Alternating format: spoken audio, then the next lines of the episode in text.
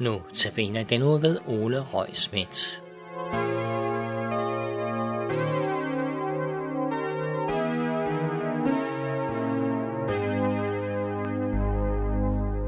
Velkommen til den første af seks andagter over tekster fra Johannes brevene i det nye testamente. Og nu til teksten, som det drejer sig om i dag.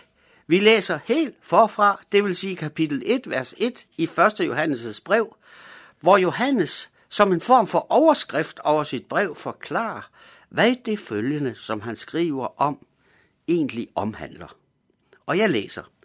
Det, som var fra begyndelsen, det, som vi har hørt, det, som vi har set med vores egne øjne, det, som vi betragtede og vores hænder rørte ved, livets ord. Det handler altså om dødens ord. Nej, lige præcis ikke. Det handler om det modsatte. Det handler om livets ord. Og hvad er der så at sige om det? Jo, det bliver alle allerede præciseret her i det allerførste vers, hvor Johannes opremser, opremser fire ting vedrørende livets ord. Der står det, som var fra begyndelsen. Og det var det første. Det, som vi har hørt, det var det andet. Det, som vi har set med vores øjne, det var det tredje. Det, som vi betragtede og vores hænder rørte ved, det var det fjerde. Lad os tage disse fire ting fra en ende af. Det, der var fra begyndelsen. Altså, livets ord var fra begyndelsen. Og her går der jo en direkte pangdang hen til indledningen til Johannes evangeliet, hvor der står, i begyndelsen var ordet, og ordet var hos Gud, og ordet var Gud. Altså, det allerførste i denne verden, det er ordet. Det ord, som skaber hvad det nævner, det ord, som selv er Gud. Dette ord er helt fra begyndelsen. Og det er livets ord. Og dermed mærker vi allerede her i den allerførste sætning i Johannes' første brev, suset fra evigheden. Og hvorfor kaldes det så livets ord? Jo, det gør det, for i dette ord ligger kilden til alt liv. Alt er jo skabt ved dette ord. Det var så det første. Det andet, som Johannes trækker frem om livets ord, er dette. Det, som vi har hørt. Johannes har hørt livets ord, og det har han som mand hørt af Jesu egen mund. Men han har også hørt det gennem skrifterne i det gamle testamente. Og det tredje, Johannes nævner, det er dette, det, som vi har set med vores egne øjne. Apostlen Johannes øh, gør her opmærksom på, at han jo selv er et øjenvidne. Jo, for han har selv været sammen med Jesus. Han var en af de tolv apostle, der vandrede sammen med Jesus. Det kan han være jo bare skrive, kan man så indvende. Nej, for selvom Johannesbrevet først, er, blev, først blev mundtligt overleveret, og dernæst nedskrevet ca. 50-60 år efter Jesu død og opstandelse, selvom der er gået disse 50-60 år, så vil de ældste blandt de mennesker på den tid selv kunne huske, da Jesus gik på jorden. Og derfor vil man ikke kunne slippe afsted med at skrive noget fup. Hvis en forfatter i dag ville skrive et eller andet om Jens Otto Kravs tid som statsminister her i Danmark, et eller andet, der slet ikke passer, så vil det blive afsløret med det samme. For mange ældre mennesker i dag kan jo tydeligt huske den tid. Og sådan vil det også være her med Johannesbrevene. Og den fjerde og sidste ting, der remses op om livets ord, er dette. Det, som vi betragtede, og hvor hænder rørte ved.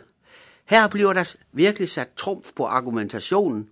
Ikke nok med, at Johannes har hørt livets ord, har set det. Nej, han har også rørt ved det.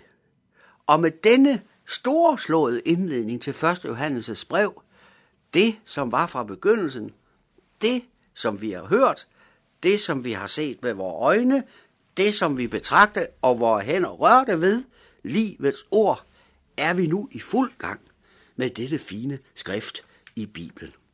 Og Johannes fortsætter således i vers 2. Og livet blev åbenbart, og vi har set det og vidner om det og forkynder jer det evige liv, som var hos faderen og blev åbenbart for os. Det, som vi har set og hørt, forkynder vi også jer, for at også I kan have fællesskab med os, og vort fællesskab er med faderen og med hans søn, Jesus Kristus. Dette skriver vi, for at vores glæde kan være fuldkommen. Jeg vil trække to ting frem her. For det første, og livet blev åbenbart, og vi har set det og vidner om det og forkynder jer det evige liv, som var hos faderen og blev åbenbart for os. Det her livets ord, det drejer sig altså ikke bare om livet, sådan i al almindelighed. Nej, det drejer sig om intet mindre end det evige liv. Og igen mærker vi suset fra evigheden ind over teksten her. Og det andet, jeg vil trække frem, er dette. Det, som vi har set og hørt, forkynder vi også for jer, for at også I kan have fællesskab med os, og vort fællesskab er med faderen og med hans søn Jesus Kristus. Dette skriver vi, for at vor glæde kan være fuldkommen. Hvorfor skriver Johannes? Jo, for at vi kan få fællesskab med hinanden, og dette fællesskab er med faderen og med hans søn Jesus Kristus. Johannes minder os her om det fantastiske perspektiv. Der er alle steder, hvor Guds ord forkyndes. Der er der nemlig fællesskab. Fællesskab mellem alle os ganske almindelige mennesker. Per og Paul, Amanda og Karoline og hvad de nu måtte hedde alle sammen. Og det er rigtig fint, og det har en høj værdi i sig selv. Men det går langt videre end det. For der er også tale om, at dette fællesskab, det er et fællesskab med Gud selv, med Gud selv og med hans søn, Jesus Kristus.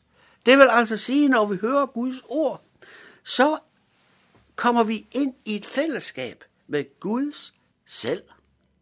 Sikken et menighedsperspektiv. Og Johannes runder der også afsnittet her af med denne sætning.